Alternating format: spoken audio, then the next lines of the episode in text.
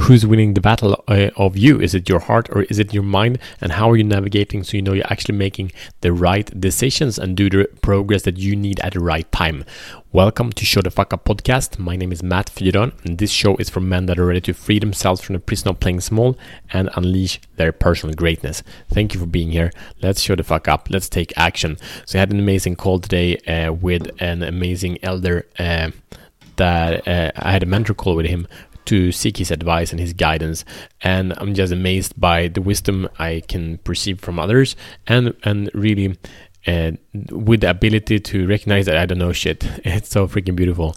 And in this conversation, uh, in the way that, uh, in my experience, only kind of an, an uh, elder, older man can give is the reminder of really tapping into the heart. I've been experiencing other guys being able to do that also, but it's something in the piece that I see that older uh, men have that is rare in us young uh, hustlers or whatever we are.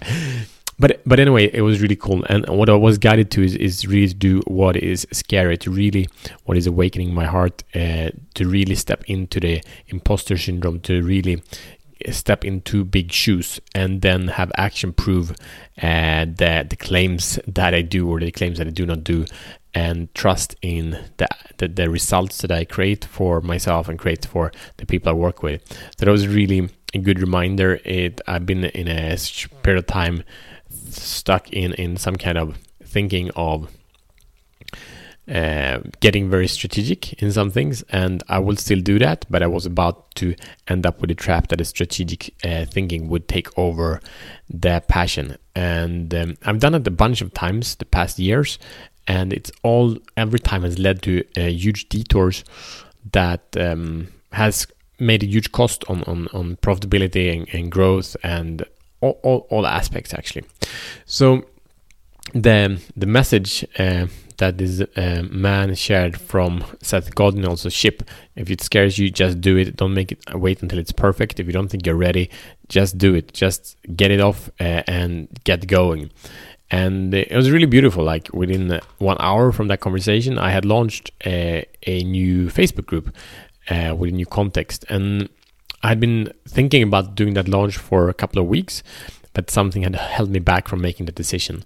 So I think it's just so beautiful. Like, what is the context that makes me or makes you move ahead, take action in the direction that you know that you need to step into? Because usually the context of ourselves, our own mind, and whatnot is not the context that actually brings us forth. It's, it's our mind is the creation of the past and not the, the building block of the future.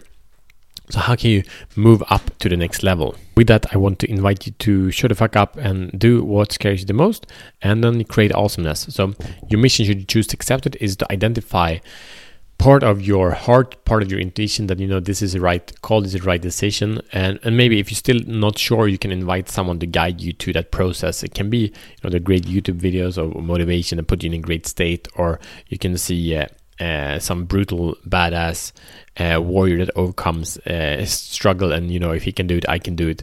Anything like that. But put you in, in a state have a conversation with someone that gives you uh, meaning direction that builds up the courage to take massive action.